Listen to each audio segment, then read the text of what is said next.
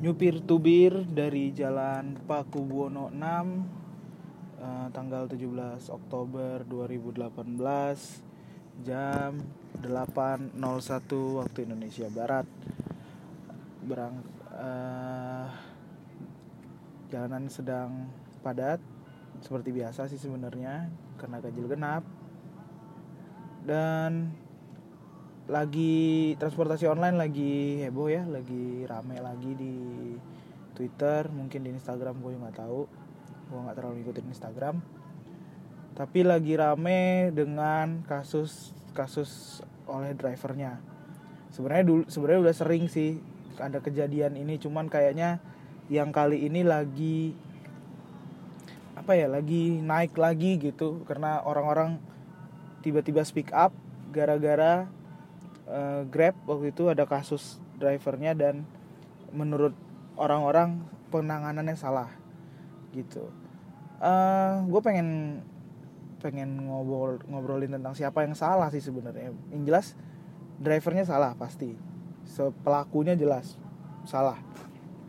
Kemudian dari sisi perusahaan juga salah salah bener sih sebenarnya maksudnya mereka memang punya tanggung jawab untuk mensosialisasikan etika jadi driver atau uh, ya semacam tata kerama dan segala macam ya. Cuman satu sisi sosialisasi itu nggak akan terlalu berpengaruh kalau memang ada niatan dari drivernya gitu. Uh, tapi memang setahu gua tidak ada uh, training sosialisasi terkait uh, etika terkait uh, sop ya tata krama dan sopan santun gitu. How to be a good driver dari perusahaan setahu gua. Karena untuk jadi driver transportasi online di sini uh, mereka cuma ngasih data divalidasi dan mungkin ada training tapi trainingnya tuh lebih ke training penggunaan aplikasi setahu gua. Gua nggak tahu juga. Tapi yang jelas yang gua baca tidak memang tidak ada sosialisasi terkait etika.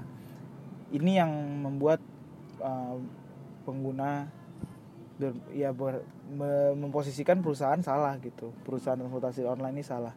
Tapi di satu sisi sebenarnya kenapa mereka menurut gua nggak salah karena mereka gimana pun adalah perusahaan uh, teknologi bukan kebetulan fiturnya adalah transportasi online begitu sehingga sebenarnya driver masuk dan mendaftar jadi driver ya dia seperti konsumen sebagai user pada umumnya aja.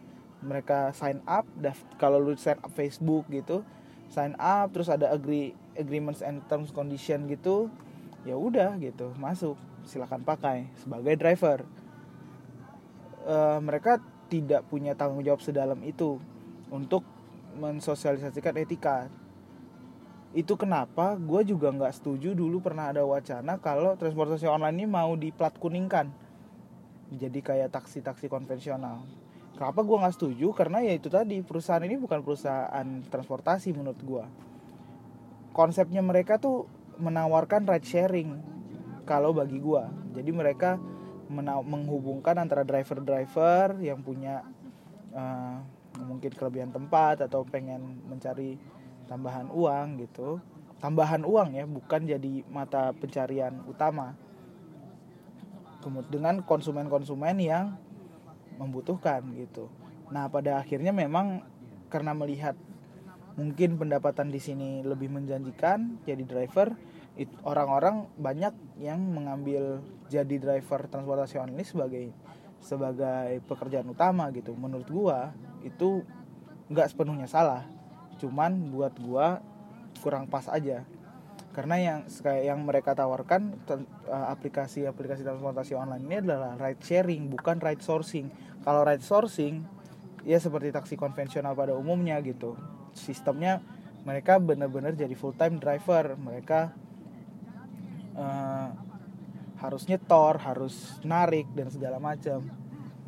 Dan driver benar-benar tak driver tuh sadar betul bahwa mereka adalah uh, ibaratnya pekerja gitu untuk melayani penumpangnya. Beda dengan kalau transportasi online kalau sering kita lihat driver bisa seenaknya cancel bisa seenaknya eh, nggak uh, jadi ngambil gitu karena nggak searah pulang segala macam jadi itu jadi hal yang tepat kalau konsep ride sharing ini diterapkan semua semua orang sebenarnya dan tapi ya selayaknya orang Indonesia selalu ber, berpikir konsumen adalah raja gitu.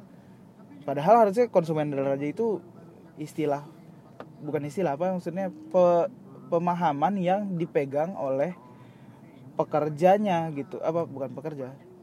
Ya oleh yang oleh produsen oleh distributor.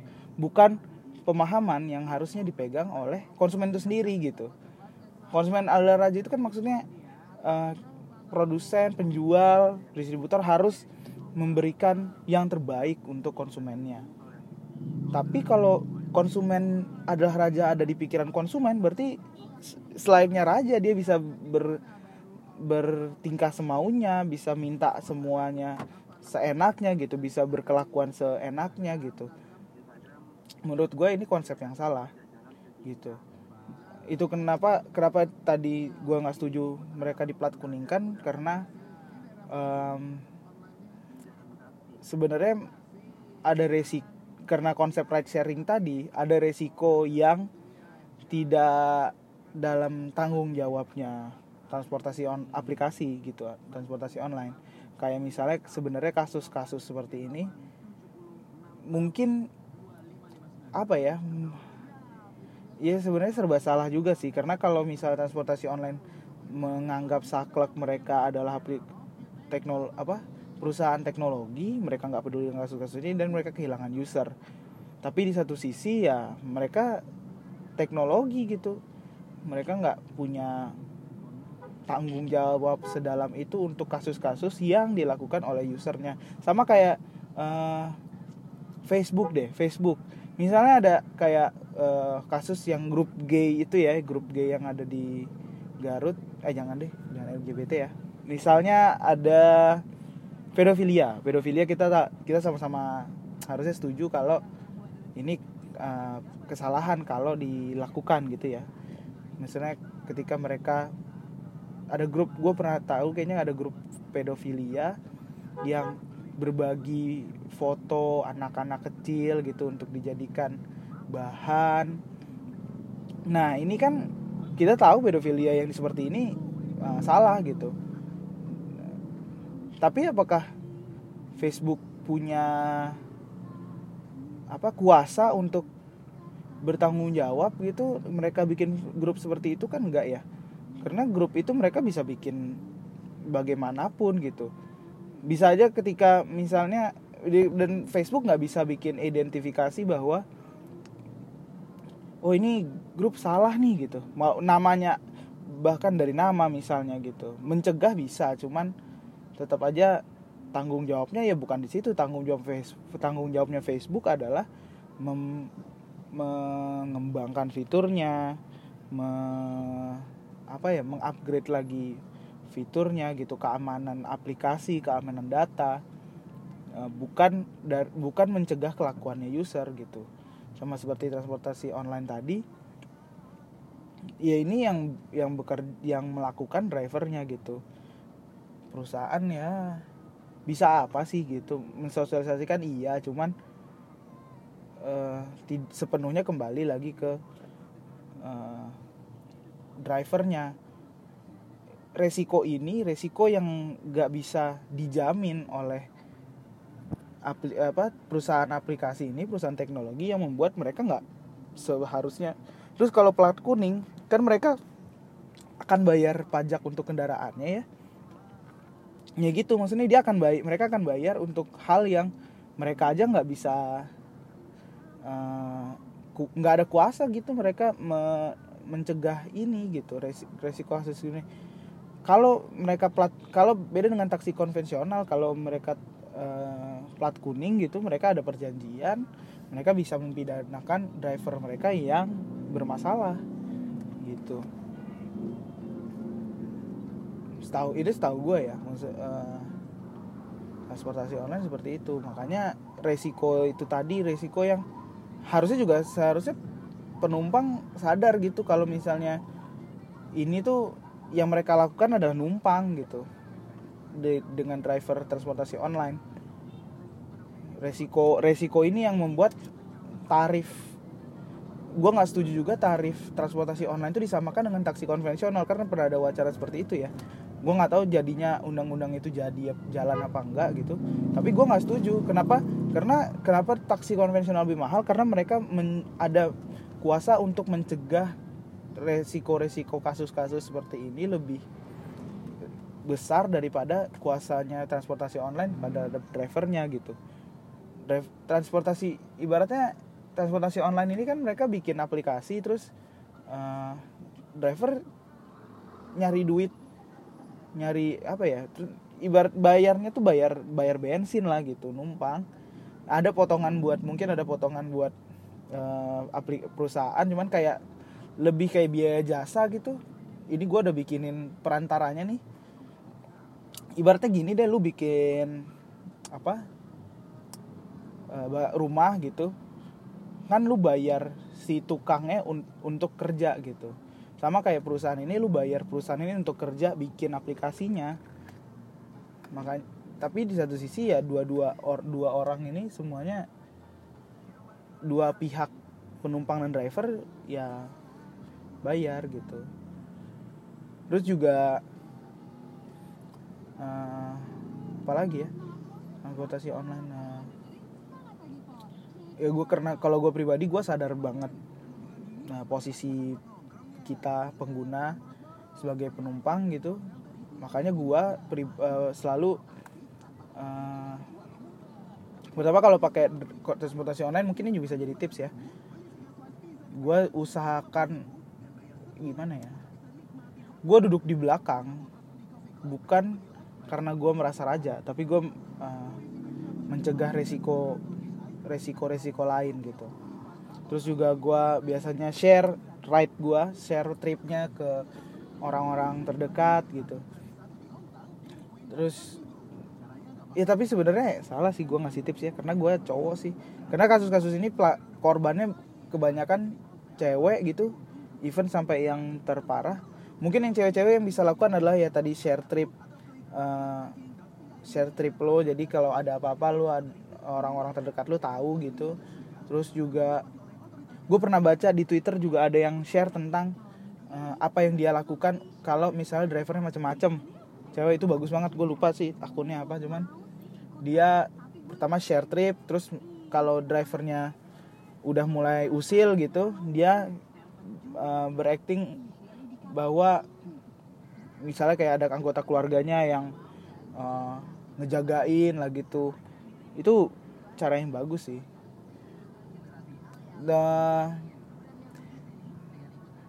terus drivernya sendiri ya kalau gua yang gua tahu nih. Kayaknya dulu kalau yang dulu ini tuh banyak kejadian sama drivernya Uber. Setahu gue ya. Nah sejak Uber di akuisisi sama Grab otomatis banyak drivernya pindah ke Grab. Gue curiga yang terjadi sebenarnya adalah driver-driver Uber ini tak yang yang apa namanya berkelakuan gitu bertingkah di Grab akhirnya kena Grab gitu. Karena gue inget banget sih dulu banyak banget yang bermasalah dengan Uber karena Uber itu sistemnya menurut gue paling apa ya paling kurang lah gitu. Walaupun ada sebenarnya sistemnya Uber yang gua seta, setahu gua ada fiturnya gua abis ngobrol sama drivernya gitu dan bagus gitu. Yaitu adalah sistem penilaian untuk penumpang juga. Jadi kalau di Uber dulu setahu gua drive penumpang ngasih bintang ngasih rating ke driver driver juga ngasih rating ke, ke penumpang gitu. Nah sama kayak driver jadi kalau penumpang ratingnya bagus dia akan lebih mudah untuk dapat driver gitu.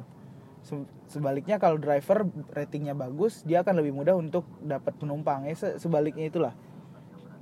Nah ini gue nggak tahu di grab sama di gojek ada atau enggak cuman ini ide yang menarik sih. Gue ini ini yang membuat keadilan tuh tumbuh gitu untuk transportasi online untuk mencegah resiko itu juga. Jadi kayak uh, apa ya ada ada gitu uh, pertimbangan apakah driver driver itu jadi bukan sepenuhnya pekerja gitu. Karena konsep ride sharing tadi ya nggak sepenuhnya mereka ibaratnya pesuruh. Penumpang juga nggak boleh asal-asalan kalau ada rating kayak gini. Cuman memang eh, negatifnya adalah kalau kita suzon gitu drivernya bisa aja kan eh nggak bisa juga deh gue pikir tadinya bisa rate jadi nunggu rating dari penumpang terus dia ngasih rating penumpang berdasarkan rating yang dikasih penumpang. Gitu kayak misalnya gue ngasih drivernya rating 3 gitu eh dua gitu.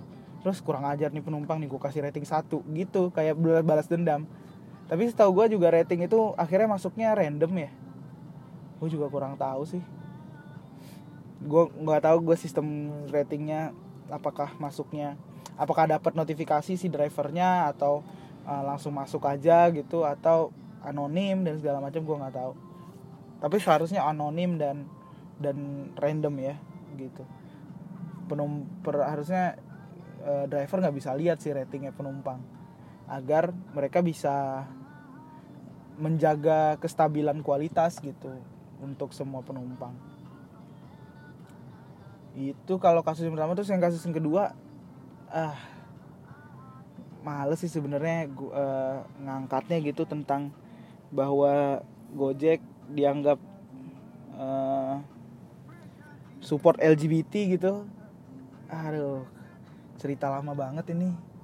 Uninstall terus ada uninstall Gojek uninstall Gojek. Ah cerita lama banget yang ya udahlah gitu. Dan orang-orang semuanya udah yang berpendidikan yang pinter udah paham gitu kalau LGBT ya sudah LGBT perusahaan merekrut employee bukan berarti mereka support dan kalaupun ada orang yang pengen uninstall Gojek karena LGBT mereka seharusnya uninstall Google, uninstall Apple, uninstall semua produk-produk yang bagus-bagus Instagram, Twitter dan segala macam, Facebook dan segala macam. Oh ada ada yang menarik sih yang waktu itu gue baca di Twitter katanya ada seorang ustadz yang sangat kondang di Twitter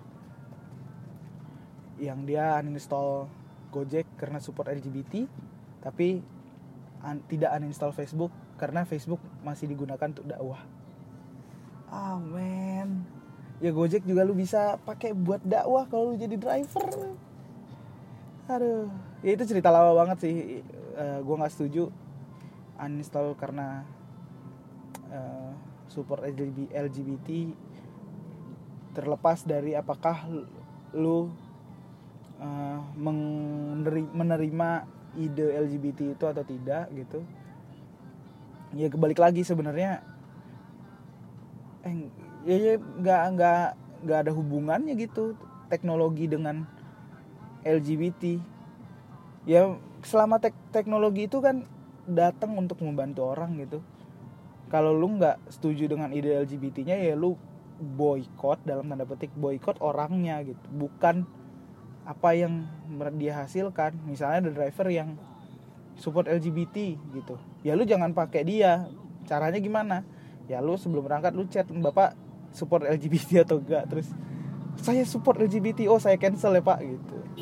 Ya bukan bukannya men, bukan mengeneralisir bahwa ada apa ada driver yang uh, support LGBT dan Gojek juga support LGBT gitu. Nggak bukan begitu cara kerjanya teman-teman. Bukan begitu cara pikirnya. Kalau yang uninstall Gojek sih sudah cerita lama lah ya.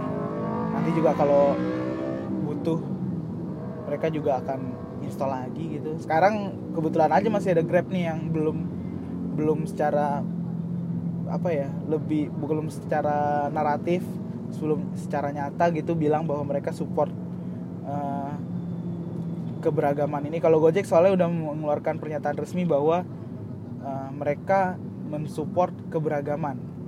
Yang menurut gua harusnya bisa diartikan sebagai mereka support apa pun yang terjadi perbedaan apa pun mau straight mau LGBT mau Islam Kristen mau uh, animisme dinamisme dan segala macam gitu. Mereka support itu gitu. Mereka tidak tidak membedakan penggunanya berdasarkan itu. Begitu nanti kalau misalnya Grab ternyata kena juga nah lu mesti uninstall Grab ya lu mau naik apa lu? Ojek pangkalan cari dulu pangkalannya di mana. Naik naik taksi konvensional mahal kan buat lu lu pada ya kan? Ya ya ya ya. Itulah. Itu tentang transportasi online jadi gua rasa kalau yang untuk kasus pertama eh, banyak memang banyak hal yang perlu dibenahi tapi bukan dengan cara mem memplat kuningkan transportasi online karena bagaimanapun mereka aplik eh, perusahaan teknologi driver itu mitra mereka bukan bukannya mereka yang mendidik gitu. Tapi di satu sisi ya perusahaan ada baiknya untuk juga melakukan sosialisasi apa sosialisasi etika sosialisasi ini at least kalau gue bilang sih at least you are trying ya. At least perusahaannya sudah mencoba gitu. Kalau ternyata ada kasus juga ya sudahlah namanya juga driver oknum personal gitu. Mungkin nanti ad- ada kasus penumpang oh ada kan kasus penumpang yang yang ngebegal gitu ngebegal driver ada juga gitu. Jadi itu juga nggak bisa eh, dicegah. Jadi kembali kembali ke personal kalau yang itu. Kalau yang uninstall Gojek karena support LGBT ya please lah tolonglah. Alasan itu jangan dibuat-buat gitu loh ya. Oke ya mikir ya itu aja untuk nyupir tubir kali ini. Gue masih nyupir sekarang di Jalan Sudirman. Masih macet nih jam 8.22 pagi. Eh, dengerin terus nyupir tubir mungkin dengan topik yang berbeda. Kalau ada usulan topik silakan di email ke nyupirtubir at gmail.com dengerin juga podcast gua tentang cerita-cerita kelar nonton film Indonesia. Di podcast kelar nonton bisa search di YouTube dan cari mungkin judul filmnya. Kalau film lu nggak filmnya tidak gua tonton gitu ya berarti gua nggak tertarik sama sekali dengan film itu. Kecuali ada yang bayarin ya. Kalau gratis ayo kita berangkat siap. Itu aja nyupir tubir gua nyupir lagi ya. Dadah. Eh, eh belum mati. Bentar bentar. Kita ulang closingnya gue nyupir lagi ya. Dadah